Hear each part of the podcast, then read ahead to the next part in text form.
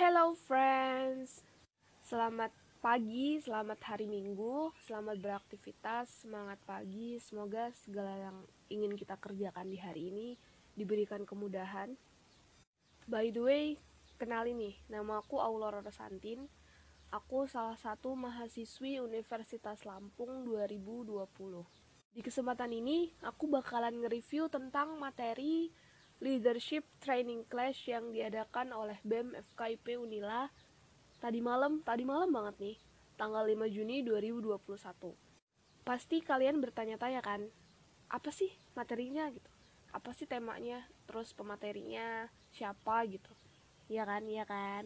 Ya, jadi tema dari leadership kali ini yaitu to be good speaker with Kak Fajar Gosiazain. Yeay! Dalam materi tadi malam, Kak Fajar menyampaikan bagaimana cara speak up, bagaimana cara berpublic speaking yang baik, apa saja yang harus dikuasai, lalu susunan yang harus dibuat ketika sebelum berpublic speaking, lalu ada tips and trick bagaimana kita menghilangkan kegugupan dan memunculkan perasaan percaya diri, lalu bagaimana cara berkomunikasi yang baik dan uh, hal apa saja yang perlu ditingkatkan gitu. Sebelumnya aku ingin berterima kasih kepada BEM FKIP Unila yang telah mengadakan training class yang sangat bermanfaat sekali dan materinya bisa langsung diterapkan di dalam kehidupan sehari-hari gitu khususnya aku sebagai mahasiswi yang pasti perlu banget ilmu public speaking gitu. Dan aku juga ingin berterima kasih kepada Kak Fajar yang telah menyampaikan ilmunya, yang telah membagikan ilmunya tadi malam. Dan beliau ini merupakan salah satu mentor di High School Mentor Lampung. Keren banget kan? Sebagaimana yang sudah kawan-kawan tahu, bahwa public speaking yaitu cara kita menyampaikan gagasan di muka umum dengan tujuan utama yang benar-benar bisa tercapai gitu. Atau bahasa kerennya seni berbicara. Begitu tidak mudahnya seseorang berbicara di muka umum sampai banyak sekali pelatihan-pelatihan yang diadakan untuk membahas public speaking dan ternyata ada bukunya. Dan itu banyak banget. Kawan-kawan bisa ngebaca langsung atau mempraktekkan langsung kalau emang tipe kawan-kawan adalah tipe yang baca dulu gitu ya, bukan mendengarkan. Jadi, menurut Kak Fajar, kata kunci utama dari public speaking yaitu terletak pada tujuan apa yang ingin kita sampaikan. Maka hal selanjutnya yang perlu diketahui dan perlu dikuasai adalah trik membuat teks public speaking atau persiapan sebelum kita melakukan public speaking yang terbagi menjadi lima poin.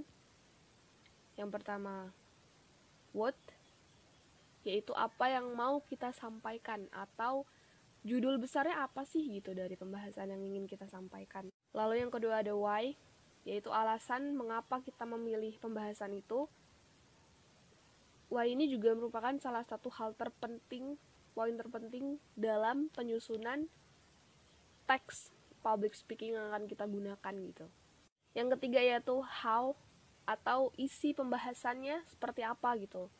Relevansinya dengan uh, yang sedang ramai dibicarakan oleh masyarakat tuh apa gitu supaya materi yang kita sampaikan itu menarik gitu.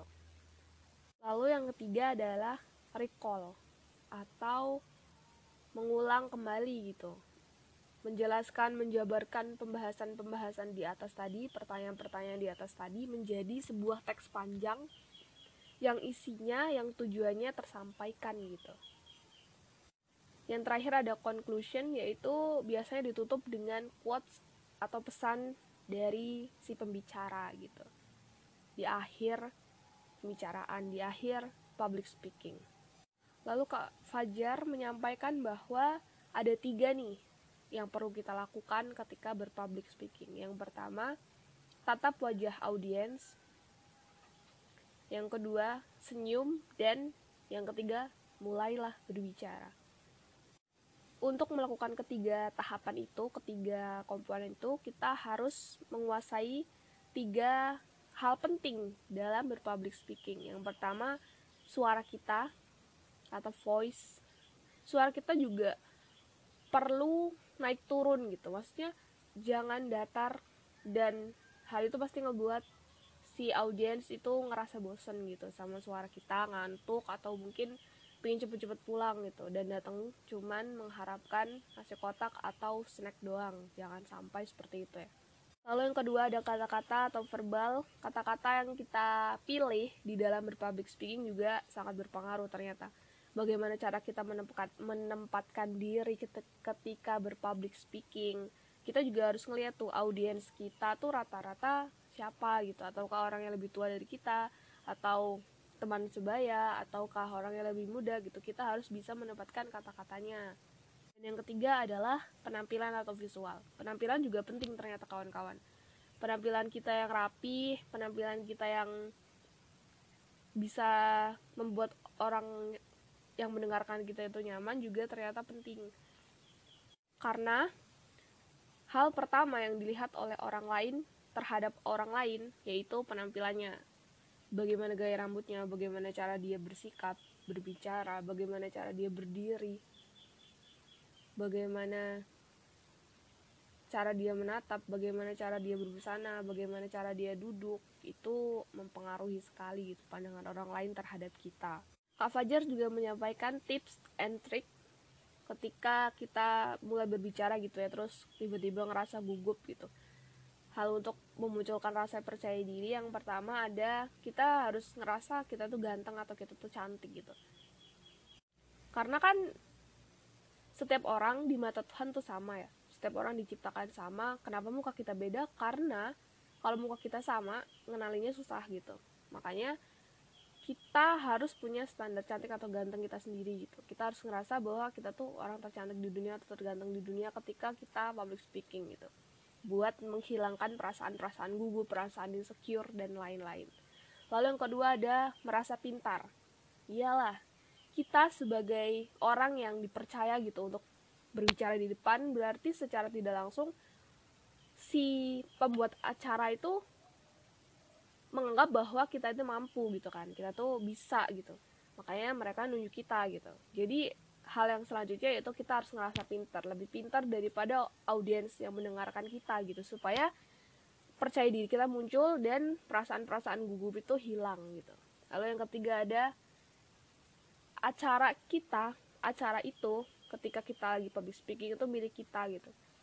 Jadi berhasil atau tidaknya acara itu ada di tangan kita gitu. Tapi jangan jadiin beban juga. Maksudnya kayak ya tadi kita nggak boleh rasa gugup. Gugup itu boleh sih cuman kita nggak bisa terus-terusan ngerasa gugup dari awal sampai akhir gitu. Jadi kita harus ngerasa bahwa acara itu milik kita gitu. Kita harus ngerasa bahwa kita kita yang berdiri di situ gitu. Dan berarti orang-orang yang ada di dalam acara itu ada di bawah kendali kita gitu. Jadi kita sebagai pemilik acara ya bebas gitu. Mau mau buat gimana pun acara itu gitu. Jangan jangan sampai jangan memusatkan pikiran kita kepada argumen audiens karena acara itu milik kita. Lalu yang terakhir yaitu senam lidah atau bisa juga senam wajah gitu ya sebelum memulai public speaking di depan audiens latihan lah gitu. Kayak merilekskan komponen-komponen di dalam wajah gitu supaya nanti waktu kita berpublic speaking semuanya kerasa santai gitu kan. Kerasa, kerasa pas gitu nggak ada yang mungkin keram atau bagaimana gitu. Lalu Kak Fajar juga menyampaikan terkait cara berkomunikasi yang baik. Yang pertama posisikan diri kita sebagai siapa pada saat berbicara balik lagi ke poin awal yang atas bahwa kita juga harus memilih dan memilah bagaimana bahasa yang akan kita gunakan, bagaimana gestur tubuh yang akan kita gunakan. Karena hal itu juga sangat berpengaruh gitu terhadap hasil dari public speaking kita. Lalu yang kedua ada sampaikan dengan kata-kata yang lugas dan dapat dipahami. Jangan berbelit-belit, jangan terlalu panjang, jangan juga terlalu singkat gitu yang penting poin atau tujuan daripada public speaking kita tersampaikan dengan baik. Lalu yang ketiga ada fokus pada poin yang ingin disampaikan. Jadi kalau misalkan kita udah buat daftar gitu ya sebelum berpublic speaking di depan hal itu yang harus kita sampaikan dan benar-benar tersampaikan gitu. Jangan sampai kita beralih topik atau beralih pembahasan ke hal yang lain gitu. Lalu beberapa hal yang perlu dikuasai atau hal yang perlu diubah menjadi yang pertama gestur atau gerakan yang harus kita keluarkan ketika kita berpublic speaking gerakan yang dilarang yang pertama ada garuk-garuk ya atau gerakan lain yang mungkin mengganggu fokus audiens dan akhirnya justru mempermalukan kita sendiri gitu. Yang kedua ada kata-kata. Kata-kata merupakan salah satu yang sensitif dan harus menjadi salah satu yang kita perhatikan. Baik lagi ke tadi penempatan kata-kata atau pemilihan kata-kata yang penting itu. Yang ketiga ada penampilan. Balik lagi ke atas bahwa penampilan juga penting sebagai daya tarik audiens untuk mendengarkan si pembicara. Lalu Kak Fajar menutup public speaking yang tadi malam, menutup presentasinya tadi malam dengan kata-kata di setiap pembicaraan itu ada tempatnya dan di setiap tempat ada pembicaraannya. Jadi, poin penting dari seni berbicara di muka umum atau public speaking yaitu bagaimana cara kita menempatkan diri kita sebagai pembicara dan menempatkan audiens sebagai orang yang mendengarkan kita. Lihat situasi kondisi, lihat apakah audiens itu lebih tua dari kita, sama atau lebih muda gitu. Jadi dari situ kita bisa tahu tuh cara kita menempatkan kata-kata, cara kita bersikap ketika kita berpublic speaking dan mencari topik pembahasannya gitu. Yang sekiranya relevan dengan audiens relevan dengan diri kita gitu. Dan yang paling penting adalah topiknya benar-benar kita kuasain gitu. Oke sekian review dari saya. Semoga bermanfaat. Dadah oh iya jangan lupa follow instagram BEM FKIP Unila dan instagram Kak Fajar Hosiah. Oke terima kasih kawan-kawan